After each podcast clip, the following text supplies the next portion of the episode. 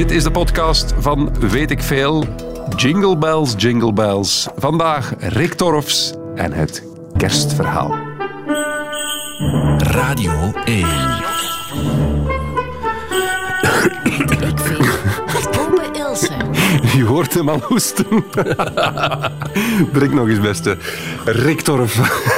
Want het gaat vanmiddag. Ik geloof in een sterke start, dus eh, een goede hoestbui. We zijn goed begonnen. Het- past bij het jaar, een goede hoest. Dat is waar. Dus laat ons in schoonheid eindigen. Ik ga u al waarschuwen, beste luisteraar en beste Rick Torfs. Het, ja, we kunnen niet rond een beetje stroop. Qua muziekjes en zo vandaag. Want het gaat in weet ik veel over het kerstverhaal. De wijze waarop u het uitspreekt, dat woord. is al stroperig. Heel mooi gedaan. Dus, dank u, dank u wel. Ehm, is dat te vertellen in de tijdspannen van 52 minuten? Ik denk het wel, want eh, als je gewoon de Bijbelse bronnen erop nagaat, ja, er zijn maar twee van de vier evangelisten die erover spreken, dus eh, eh, Lucas en Matthäus, en ze houden het allebei erg kort. De Oei. twee andere evangelisten beginnen gewoon met het doopsel van Christus of met een, Johannes dan met een symbolisch verhaal. Dus Ah, dus de, de, de, de, heel, het hele, de hele historie van niet welkom in de herberg, de stal, dat, dat, dat is niet uitgebreid beschreven. Nee, dus eh, het, heeft heel lang geduurd eer het kerstverhaal ehm, ja, de allure kreeg die het vandaag heeft. Eigenlijk was en is nog steeds Pasen het belangrijkste christelijk feest. Het feest van de verrijzenis.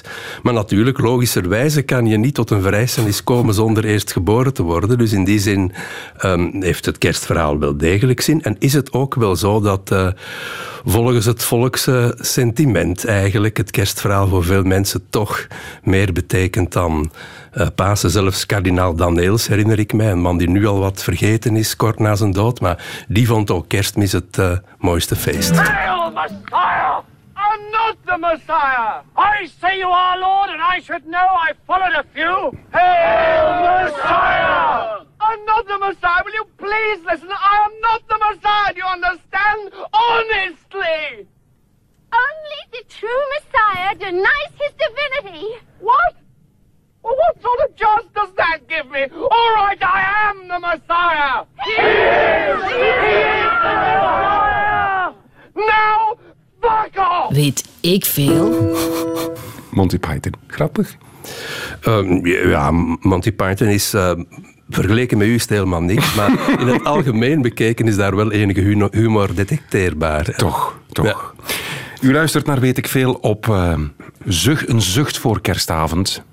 Dus dachten we, laat ons nog eens stilstaan bij wat we eigenlijk vieren vanavond of morgen.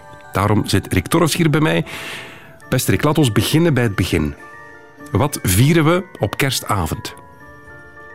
Ja, het gaat eigenlijk om de geboorte van Christus. Hè. Daar, eh, dat is eh, de essentie.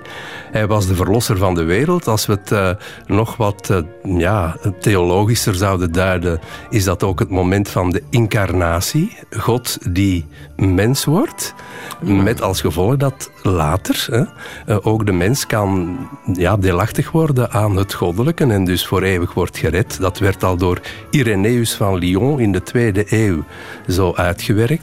Dus in feite is dat ehm, ja, ook een rode draad geweest door de westerse beschaving en de geschiedenis eh, van Europa en van een groot stuk van de wereld. Maar we zijn begonnen deze uitzending met te zeggen, ja, er zijn maar twee van de vier evangelisten die die geboorte echt beschreven hebben. Ja. En die hebben dan allebei daar ook niet te veel werk van gemaakt. eh, allebei redelijk kort. Dus eh, bij Lucas is het ja, een, verhaal waarbij onder andere ook eh, de herders en zo verder een rol spelen. Eh, bij Matthäus eh, is het ja, ook het verhaal van Herodes die jaloers is op een mogelijke nieuwe heerser.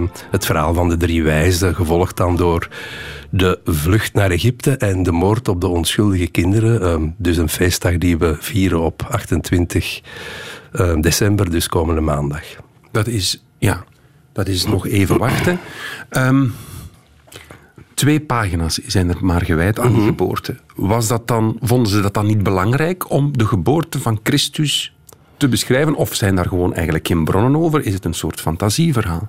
Wel, veel bronnen zijn er niet, hoewel er toch wel wordt gezegd in het uh, uh, Lucas-evangelie bijvoorbeeld, dat op dat moment Quirinus landvoogd was in Syrië en zo meer. Men probeert dat wel wat te duiden. En er zijn ook uh, buiten het evangelie wel bronnen te vinden, bijvoorbeeld bij de Romeinse geschiedschrijver Flavius Josephus. Dus in die zin uh, kun je moeilijk zeggen dat het uh, puur fictie was. Dus mm wel degelijk heeft Jezus Christus bestaan, dat staat uh, vast. Hoewel dat volgens sommigen niet essentieel was. Volgens de filosoof Wittgenstein was de boodschap belangrijker dan het historische bestaan van Christus. Maar dat maakt het wat te lastig op dit moment. In ieder geval denk ik dat we kunnen zeggen dat er over die geboorte zelf geen onzekerheid bestaat, maar dat de evangelisten, die dus uh, met vier waren en schreven enkele decennia na de dood van Christus, vooral de klemtoon wilden leggen op het leven van Christus dat dan een orgelpunt kende bij de kruisdood en de vrijzenis. En ja, die geboorte was een, een, Not, ja, een noodzakelijk iets, maar waar men eigenlijk niet uh, waanzinnig veel aandacht aan besteedde op dat moment. Maar wat denkt u zelf? Is hij echt in een stal geboren tussen een os en een ezel? Is, is het echt zo gegaan? Daar weten we eigenlijk weinig van. Hè. Dus uh, dat staat zo niet in de evangelieverhalen bijvoorbeeld. Ah, oké. Okay. Zo staat het dus niet in de nee, Bijbel. Nee, die, die schattige beesten, de os en de ezel, waarbij ik persoonlijk altijd een lichte voorkeur voor de ezel heb gehad. Hoezo? Maar dit geheel terzijde, ja, ik voel me daar nauwer mee verwant. Bent u nu uh, niet onverdraagzaam jegens de os? Maar ik, uh, uw sympathie voor de os juich ik ook toe. Ik ben niet tegen dat beest, maar de ezel vind ik nog schattiger. Nu, die dieren worden inderdaad uh, nergens beschreven, maar komen wel veel voor in de iconografie, dus in de beeldcultuur achteraf, op glasramen, schilderijen en zo verder. En van waar komen die dan? Wel, in feite is er een verwijzing al uh, bij de profeet Jezaja in het Oude Testament, die men soms als leidraad gebruikt om tot die os en de ezel te komen. Maar in feite is het natuurlijk ook zo dat mensen vroeger doorgaans uh, niet konden lezen. Nu nog niet goed eigenlijk, of toch niet wat er staat, maar vroeger waren ze echt ongeletterd. En dan ja, moest men voorstellingen maken van, van dat kersttafereel. En moest men ook wel beelden vermelden die misschien niet beschreven waren. Ik had vroeger een leraar die, die altijd zei, ja, die, die os en die ezel, die waren er niet. En ik dacht dan, ja, maar hoe weet jij dat dan? Want uh, ze worden weliswaar niet vermeld, maar het feit dat ze niet vermeld werden, hoeft niet te betekenen dat ze er helemaal niet waren. Dus er zijn vele details die niet beschreven werden. Ja, dan, dan, kan er ook een IKEA-kast gestaan hebben. Waarschijnlijk wel. Niet beschreven. ik zie dat u een groot kenner bent van de geschiedenis van het meubilair. Nee, nee, maar die, dat is toch... Dat, op die manier aan geschiedenisstudie doen. Het is niet beschreven, dus hebben we ook geen bewijs dat nee. het er niet was. Ja, dat is, dat is een flauw. Hè? Maar het eerste is natuurlijk dat het geen geschiedenis is. Dus uh, al die evangelische verhalen zijn geloofsverhalen van mensen die um, in Christus geloofden. En uh, die daarover wilde berichten um, als ja, gelovigen. Overigens was de geschiedschrijving in het Romeinse Rijk minder precies dan ze vandaag is. En had ze ook een andere functie dan gewoon feiten, data, evoluties schetsen. Mm -hmm. Maar, maar de, de evangelieverhalen waren zelfs in dat perspectief geen geschiedenis, maar geloofsverhalen. Waarbij dan bepaalde dingen ook wel waar kunnen zijn. U had het daarnet over de grot en de stal.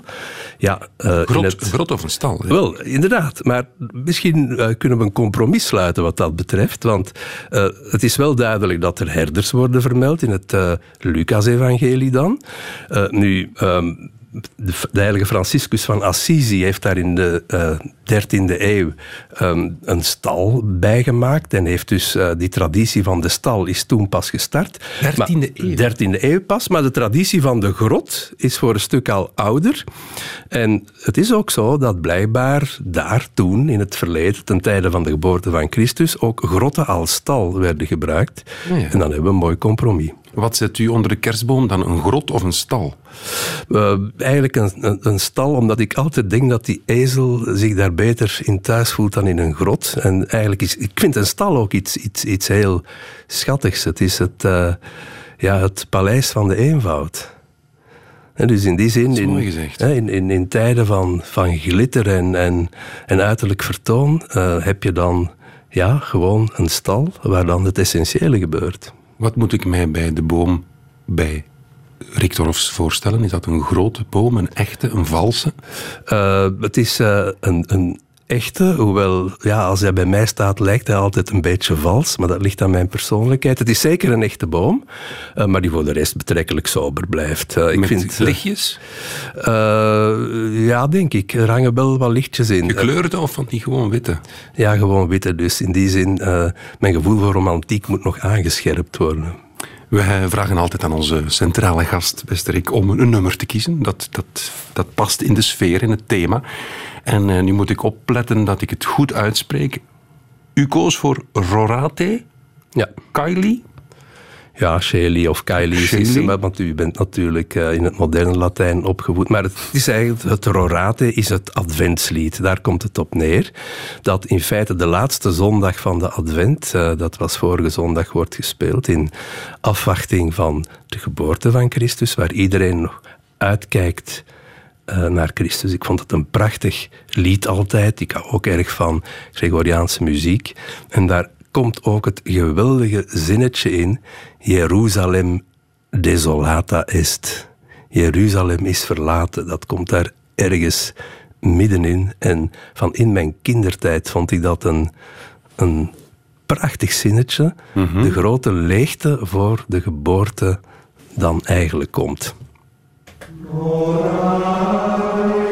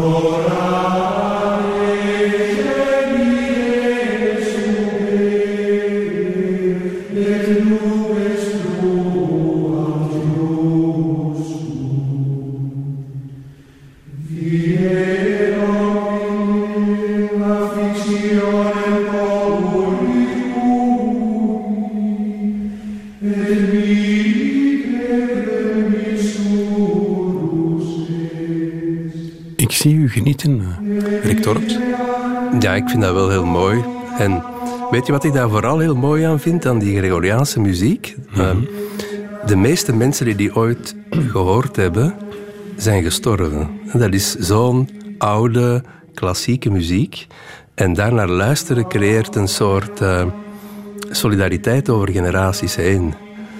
Met mensen die daar naar geluisterd hebben, misschien vol verwachting, soms bedroefd, soms gelukkig. En dat vind ik iets heel sterk. Mhm. Dit staat ver van de kleffe, cliché kerstmuziek die wij normaal gezien draaien. Dan mag je wel zeggen, dit is toch van een ander niveau, met alle respect. Zeker. Uh, en ehm, ja, waar echt die verwachting in schuil gaat, ook de grote soberheid die erin zit en die denk ik dichter staat bij wat kerstmis echt is. Het zou in feite een feest van de inkeer moeten zijn. Weliswaar ook met het optimisme van de zonnebende en het nieuwe licht, maar in feite een feest van inkeer. Terwijl het toch ook heel erg een, met alle respect door, en ik kun mensen dat graag, maar ook een feest van commercie en uiterlijkheid is geworden in de loop der eeuwen. Mijn verloofde Sarah stuurde me net een foto dat ze al een kwartier staat te wachten bij de Beenhouwer en ze is nog geen drie meter voorop geschoven en ze heeft nog een honderd meter te gaan.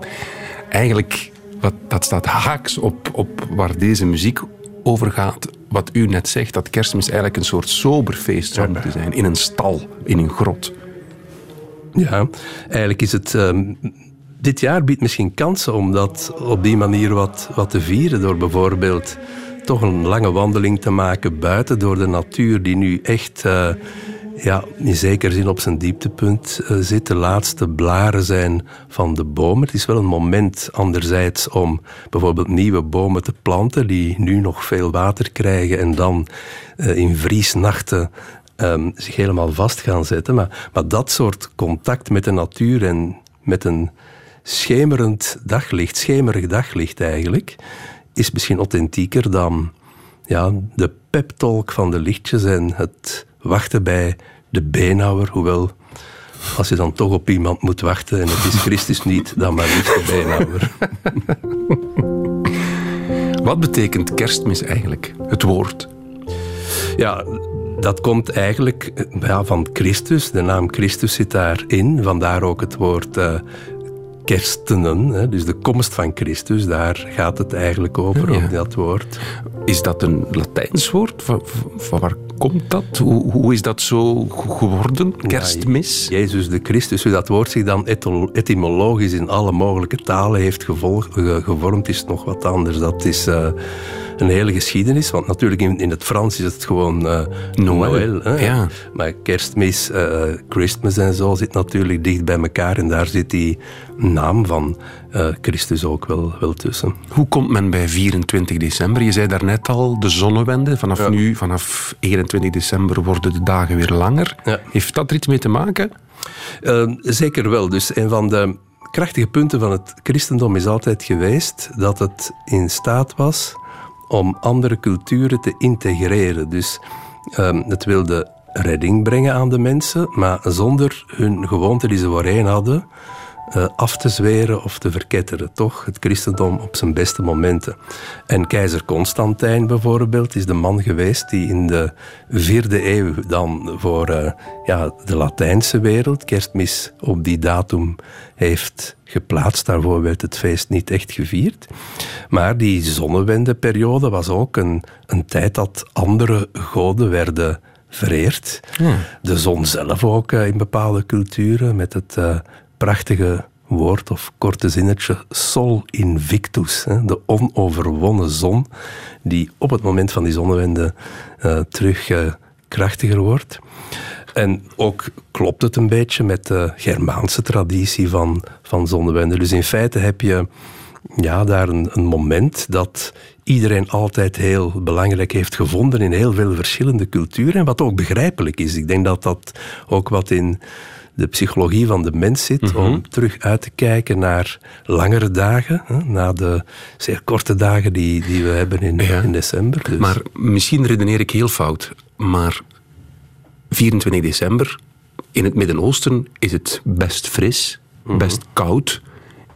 Ja, in zo'n stal die mensen, denk ik, hadden weinig kans om daar een, een, een, een of een, een pasgeboren kind dus zou het kunnen dat, dat dit een random datum is? Of is, is die Christus echt op 24 december geboren? Nee, die kans is denk ik zeer gering. Je hebt altijd één kans op 365, bij manier van spreken. Maar die kans is heel gering. Het is ook niet uitgesloten, zegt men, omdat inderdaad het mogelijk zou zijn in de streek eh, van Bethlehem in Judea, waar Jezus geboren is. Was het mogelijk om daar buiten te zijn als herder in theorie? Maar naar alle waarschijnlijkheid is hij toch in een iets barmhartiger seizoen geboren en is dan ah, achteraf die datum gekozen omdat hij paste bij allerlei bestaande gebruiken en culturen. Wat ik overigens zeer slim vind. Uh, Dus het kan evengoed 3 november of 4 april of 21 juli geweest zijn. ja, dat is allemaal mogelijk. Daar weten we niet zoveel van. Dus, eh, en ik denk ook niet dat dat eh,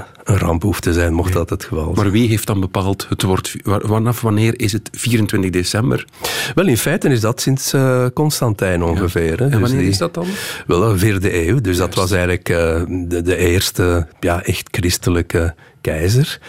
Die dat was om politieke redenen, maar misschien ook wel, ook, eh, wel voor een stuk uit overtuiging, zoals dat vaak gaat in het leven. En was er vanaf dan echt dat kerstfeest, wat we nu kennen? Niet in die mate. hè. Je Nee. kan zeggen dat dat eh, in de loop der tijden is gegroeid. Natuurlijk, als je bijvoorbeeld kijkt naar de middeleeuwse iconografie, er zijn wel heel veel schilderijen die de geboorte van Christus uitbeelden. Hè. Dus, eh, Maar inclusief boom en, en, en van die dingen, kerstboom. Kerstbomen niet meteen, maar de gedachte van een stal had je al wel Ah, ja. de vlug. Of toch van die dieren en zo verder. Natuurlijk, de meeste middeleeuwse schilders uiteraard komen na Franciscus van Assisi. Hè. Dus eh, als je kijkt naar de Vlaamse primitieven en zo verder, die komen pas later. Hugo van der Goes bijvoorbeeld, met een prachtige geboorte van Jezus in het Uffizi van Firenze. Ja, dat is wel twee eeuwen later allemaal, nog iets meer zelfs. Hè. Ehm, maar die kerstboom dan, ja, die eh, had ook wel een zekere betekenis, maar die is vooral sinds Luther heel bekend geworden. Eh, omdat eh, Luther daarin de symboliek ja, van, van Christus zag, dus in, in die kerstboom. De Christusfiguur in de kerstboom. Wel, de kerstboom was een symbool voor de figuur van Christus in het eh, Germaanse denken dan van Luther. En in die zin is dat wel gek, want vandaag eh, wordt er vaak gezegd dat we in onze neutrale samenleving eh, best geen kerststallen zetten op publieke plekken, omdat dat eh, zou kunnen indruisen tegen de opvatting van sommige mensen die kerstmis niet met de geboorte van Christus willen associëren. Maar met de kerstboom kom je niet veel verder, omdat die ook uit een christelijke traditie stamt. Luther was dan weliswaar eh, een man van de reformatie en is geen katholiek Augustijner monnik gebleven, maar ja, zit toch ook daar in de christelijke traditie. Die valt heel moeilijk te ontlopen met kerstmis natuurlijk. Klopt het dat dit een nogal zware geschiedkundige fout is? Het nummer Het Wilhelmus. O Denneboom. Oh, Denno, ik was er helemaal naast. Want het is eigenlijk geen dennenboom. We moeten een spar zetten. Ja, Of kunnen we daarmee leven? ik denk het wel. Ik dacht al het Wilhelmus te horen, dus in die zin... Ik dacht, ik dacht dat je hier ging opspringen als professor en zeggen ja, en het moet gedaan zijn met het feit dat we O Dennenboom zijn. Want blijkbaar is het een spar. Want dat zou een vruchtbaarheidssymbool zijn, net als u. Ja. Ja, maar eh, zo, daar is altijd wel wat rekkelijkheid in geweest. Dat is ook het gekke met al die verhalen natuurlijk. Eh, die komen allemaal in de loop der tijden. Eh, komen die allemaal ja, tot hun recht of krijgen gestalten of, of zorgen voor wendingen. Zeg maar in, in, in de wijze waarop kerstmis wordt gevierd. Maar in feite denk ik is dat allemaal minder wezenlijk. Het, het lijken heel vaststaande tradities. Eh, Maar het evolueert constant. maar het evolueert constant en veel evoluties zijn betrekkelijk recent. Kent u het nummer Daddy Please Don't Get Drunk This Christmas van Alan Jackson? Nee, maar ik zal mij die aansporing zeker ter harte nemen. Please, Daddy, don't get drunk this Christmas. I don't want to see my mama cry.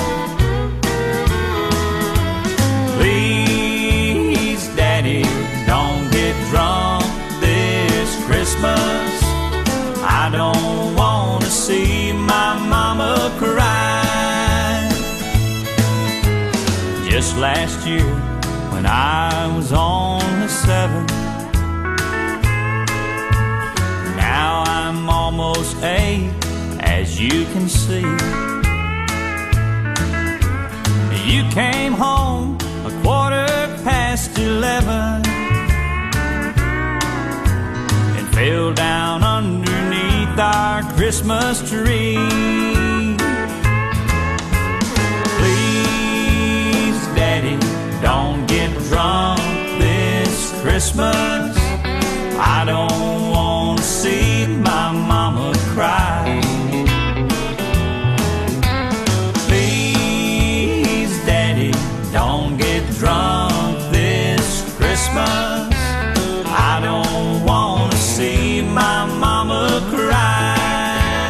Uw plannen eigenlijk? Eh, Dronken worden vanavond?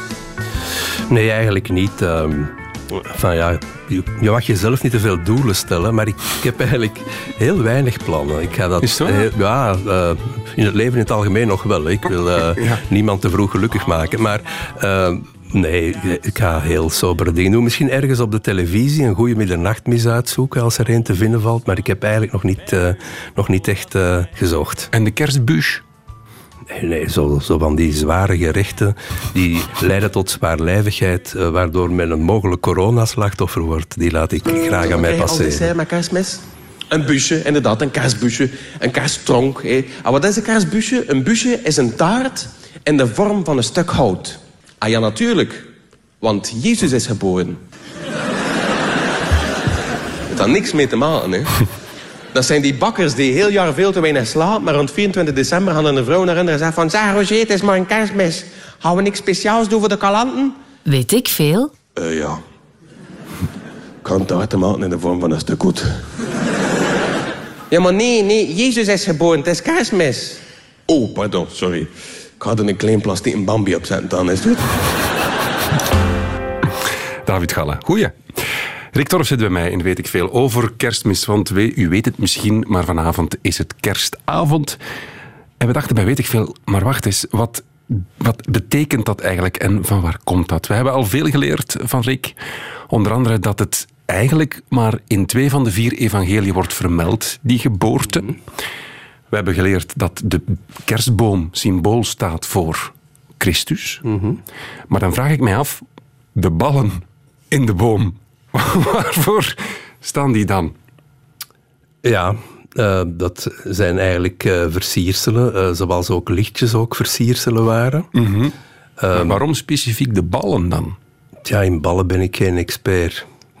Ehm, maar ze hebben... Ja, jij weet het misschien beter dan ik. Wel, ik lees, maar verbeter mij, dat het te maken heeft met Adam en Eva, die de Ah, ja. appels uit de boom en die appelballen, kerstboom. Maar het, Ja, ik dat vind het wat wordt- ver gezocht. Dat wordt soms gezegd, maar inderdaad, eh, ja, zo zou je het. eh, ik heb dat inderdaad ook eh, ooit gelezen op Wikipedia.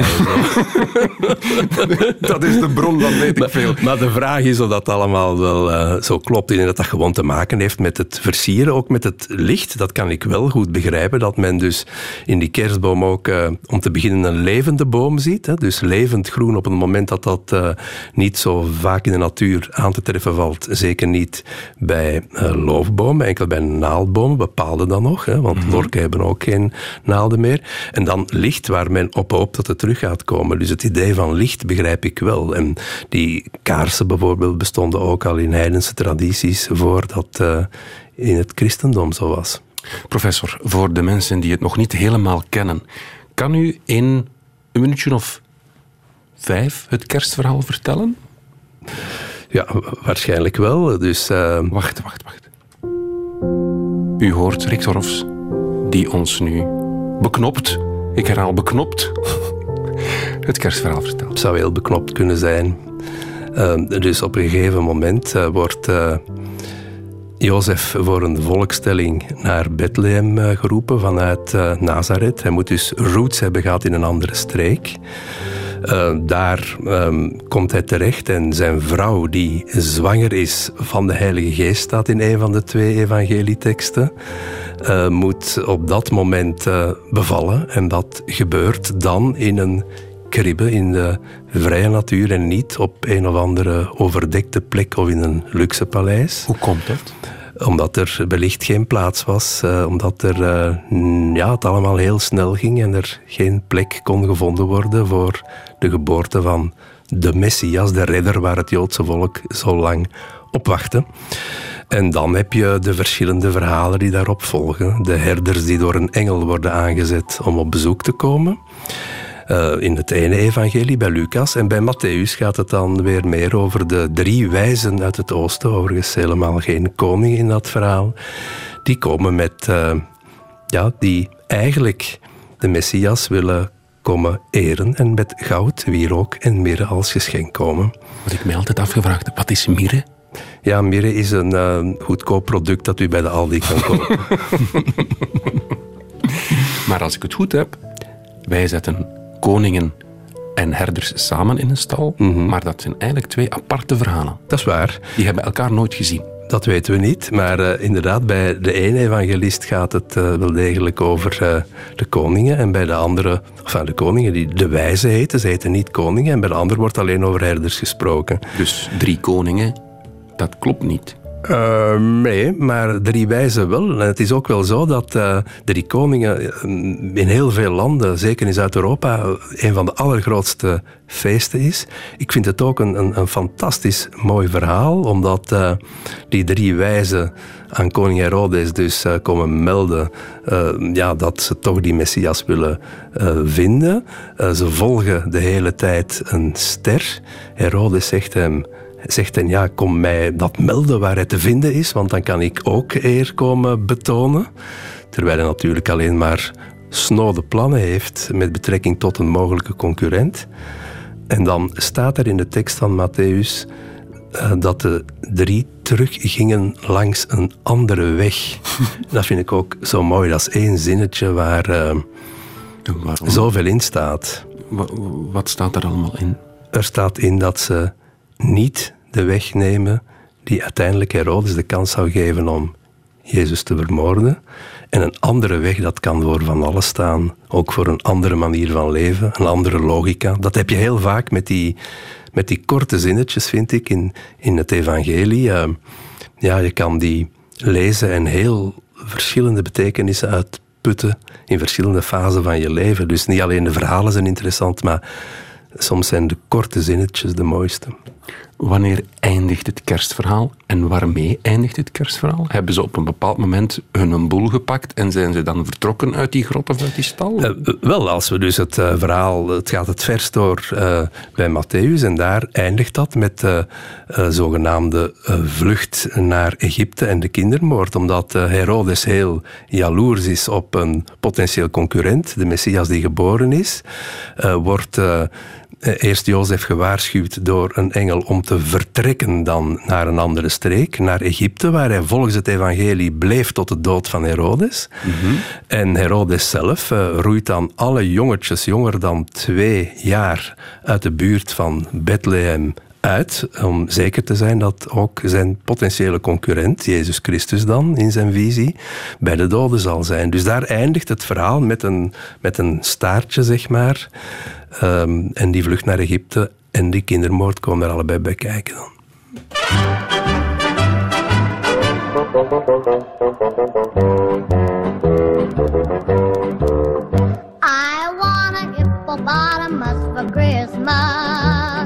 Only a hippopotamus will do. Don't want a doll, no dinky tinker toy. I want a hippopotamus to play with and enjoy. I want a hippopotamus for Christmas. I don't think Santa Claus will mind you.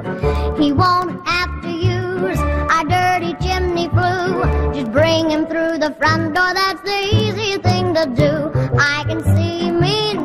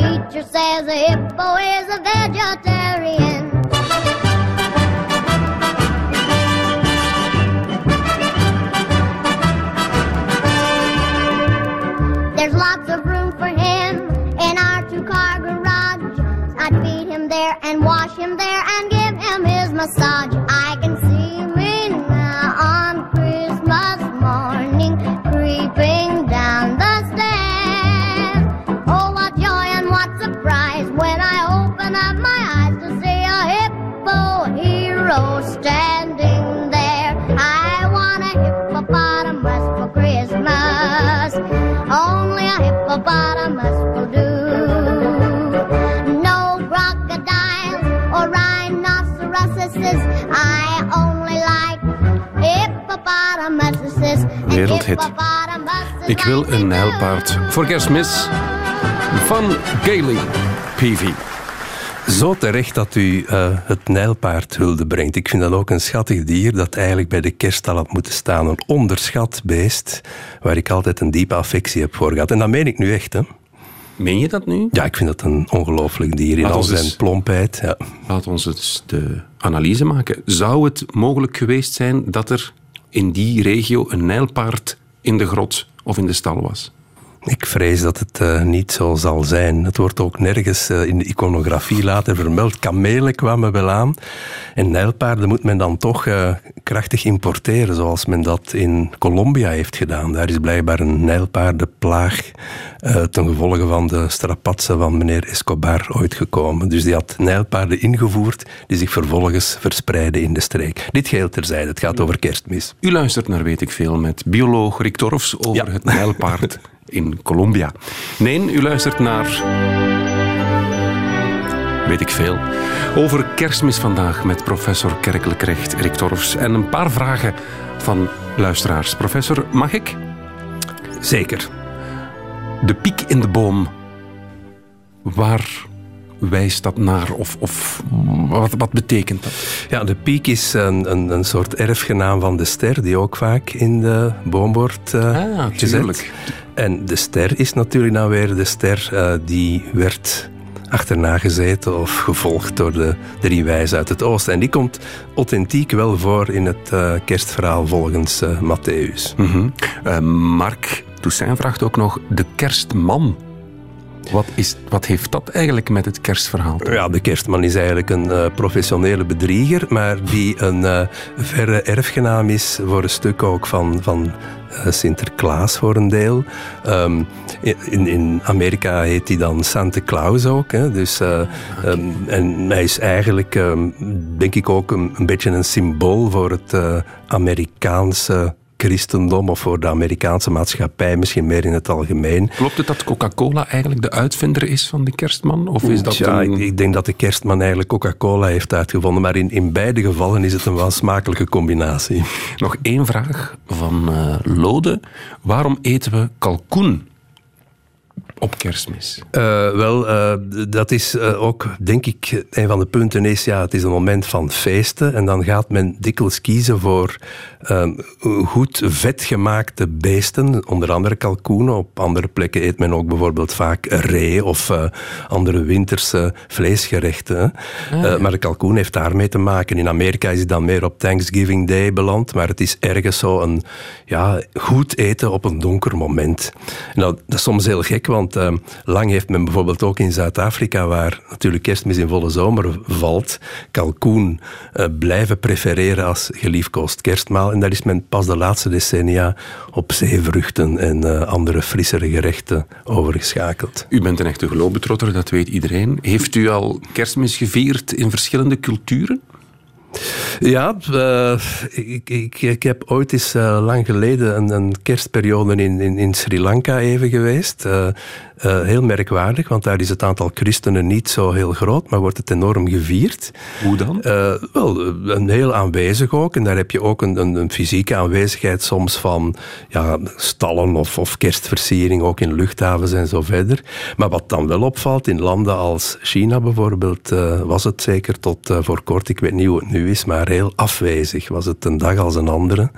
Dus in die zin eh, is het ook heel verschillend hoe landen daarmee omgaan. Is dat niet logisch? Ik, ik klink dat echt wel met, met christenen.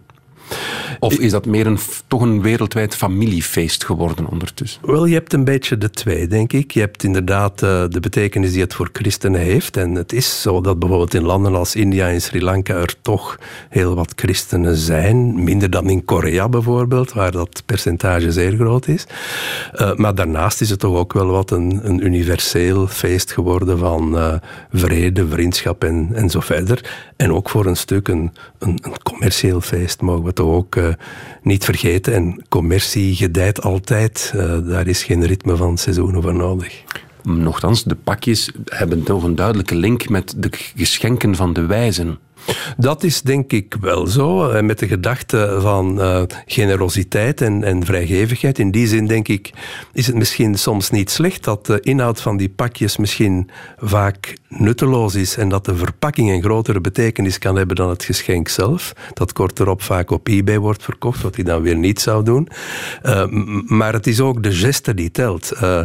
We leven in een samenleving die eigenlijk heel contractueel is. Hè? Voor wat hoort wat. En uh, mm -hmm. do ou des. Hè? Uh, ik geef op dat jij zou geven. En daar staat die generositeit wat, wat buiten natuurlijk. Dus gewoon gratuit uh, iets doen voor mensen. Iets schenken. Het ja, schijnbaar belangeloze is denk ik heel belangrijk. Wil je een samenleving hebben die niet te hard wordt. Wat is het mooiste kerstcadeau dat u ooit gekregen heeft? Gewoon een gesprek, denk ik. Aandacht. Ja, dat vind ik het beste. Dus ik, uh, ik herinner me bijvoorbeeld uh, een kerstfeest met, met muziek en enkel gesprekken, waar voor de rest uh, niks gebeurde.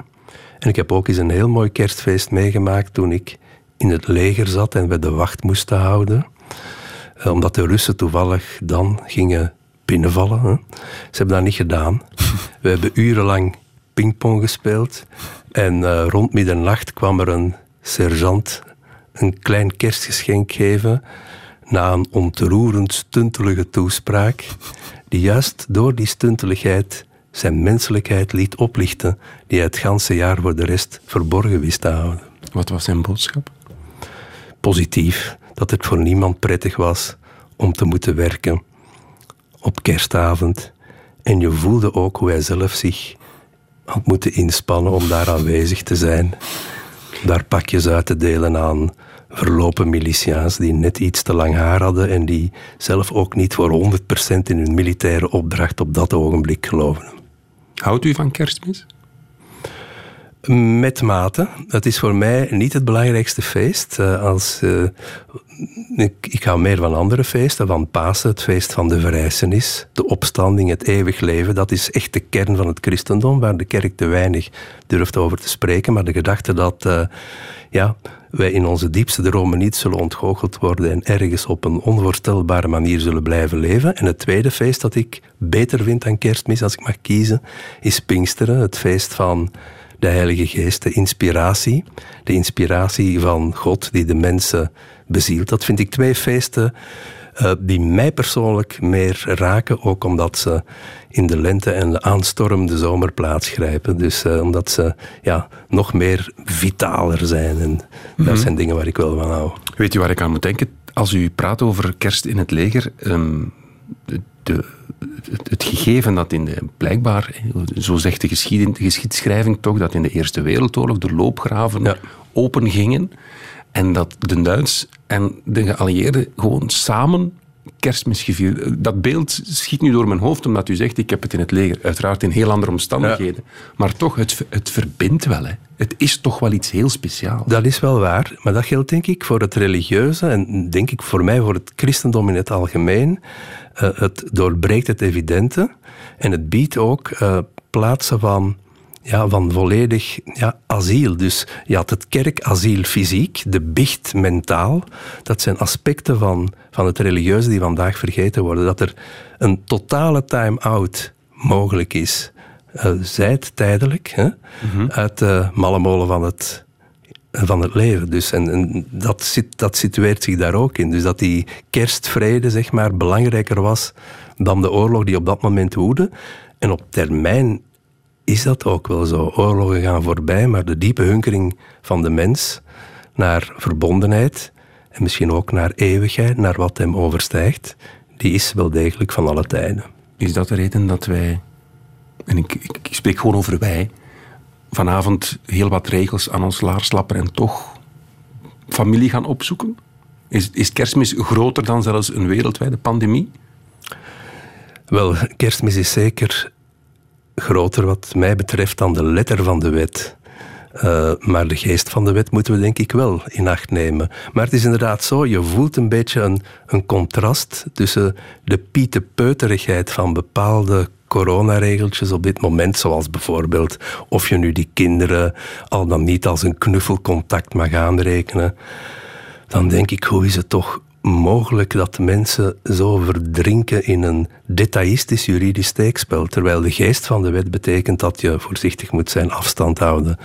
Maar of je nu één persoon te veel ziet, dan denk ik, quid hoc ad eternitatem. Wat betekent dat voor de eeuwigheid? En ik hoop dat mensen in staat zijn om naar de geest van de wet te kijken en zich niet blind staren op de letter en op het autoritarisme dat daar vaak achter schuil gaat. Zoekt u iemand op vanavond? Nee, ik ga gewoon thuis blijven in absolute stilte. Ik heb dat ook niet nodig om iemand vanavond op te zoeken, maar ik heb alle begrip voor mensen die dat wel willen doen. Ik hoop dat ze Dus u inderdaad heel bent helemaal blijven. alleen op kerstavond. Ik ben eh, alleen genoeg. niet helemaal alleen, maar gewoon thuis. hè. Ja. Ik ben blij dat we dit doen. Het is fijn om daar eens bij stil te staan. Dat, Ja, het, dat- meer, dat het meer is dan, dan, dan die pakjes en, en die, die versierde winkelstraten en die, die, die rush op de beenhouwer en de traiteur nu. Dat het eigenlijk meer is en dat het meer is dan de geboorte van Christus. Dat het meer is dan een religieus feest, maar gewoon een gevoel. Kerstmis is meer een gevoel en dat leer ik van u, meneer eh, Torfs. Dank u wel daarvoor. Dat is fijn. We ronden graag eens af met een eh quizje. Of ik wel goed geluisterd heb het afgelopen uur. Dus eh, professor, u bent gewoon mondelinge examens te doen. Ik, eh, ik luister. Ja, ja, maar eh, ik ben niet zeker dat u niet spiekt. Maar ja, hoeveel bladzijden ongeveer worden in de Bijbel aan de geboorte van Christus gewijd? Ik, ik dacht amper twee. In Lucas en in Matthäus. Ja, ja, dat is al heel juist. Top. Wat betekent Christus ongeveer in het Latijn? Waar kan dat op slaan? Oeh. Christ, ker, kerstenen, christenen? Nee. Ja, Christus zelf is dan de gezalfde en zo, maar we rekenen Ja. het juist. We rekenen Oh, u bent in een zeer, zeer gulle bui. Eh, werd Jezus geboren op 24 december? Daar zijn geen bewijzen van. Maar het kan. Het is één kans op 365. Dat heeft u duidelijk uitgelegd. Uw briljante intelligentie kan niet verbeterd worden. Mijn leermeester was groots. Hoe heb ik daarnet de kerststal genoemd en jij vond het poëtisch? Oh, goeie vraag. Het Paleis der Armen.